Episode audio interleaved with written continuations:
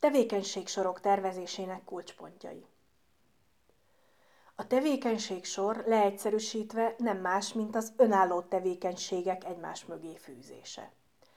Ha alaposabban megnézzük, akkor azért ennél többről van szó. Ezt igyekszünk a következőkben bemutatni. Kijelenthetjük, hogy a tevékenység tervezésénél azonos cím alatt szereplő összes jellemző érvényes ebben az esetben is.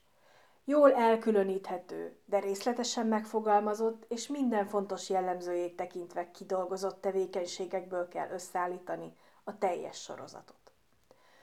A különbség az a logikai rendezőelv, amelynek segítségével a tevékenységeket egymás után kapcsoljuk. Az egyes elemeknek van különálló szerepük is, de egy egységes egész részei. Mikor tevékenység sort tervezünk, pont ezt az átfogó gondolatot, szcenáriót kell először megfogalmaznunk. Ez tartalmazni fogja, hogy mit is szeretnénk megvalósítani a tanul- tanítás során, milyen fejlesztésekre koncentrálunk, és milyen tartalmakat érintünk. Erre a vezérszálra húzhatjuk fel egymás után a tevékenységeket, melyek ideális esetben így erősítik egymás hatásait. Mikor a szenárió alapján megtervezzük a sorozatot, érdemes valamilyen vizuális rendezőeszközt használnunk, legyen ez hagyományos vagy digitális.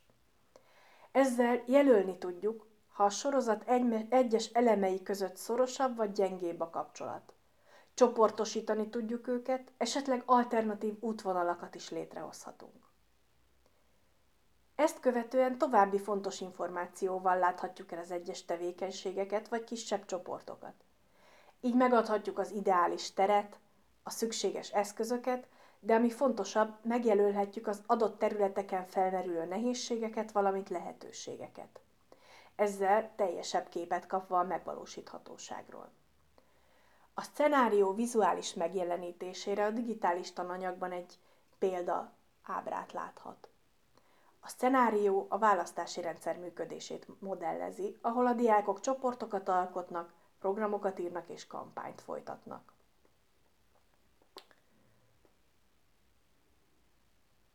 A fenti persze ideális állapot, mely a mindennapok során nem minden esetben megvalósítható.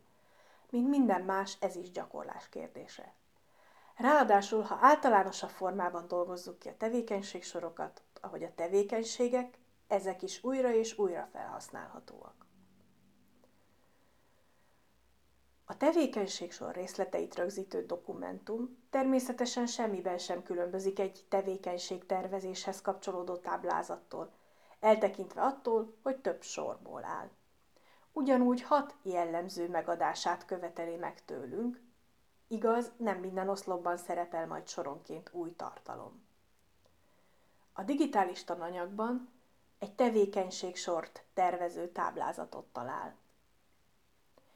A vizuális jelek, vagy ahogy eddig hivatkoztunk rájuk a piktogramok, természetesen a tevékenységi soroknál is megjelennek.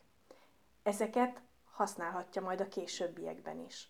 A piktogram készletet a tervezési eszközök tevékenységsorokhoz című mappában érheti el a tananyag digitális felületén. A negyedik hét végén már mutattunk egy tevékenységsort, melyet most részletesebben is kibontunk a tananyag digitális felületén. Reméljük, ez is segíti majd Önt a következő feladatok megoldásában. A keret egy saját társasjáték készítése, melyet csapatmunkában végeznek az osztályteremben. A megcélzott terület pedig a szabályok alkotása és használata, valamint az együttműködés és a kreativitás készségeinek fejlesztése.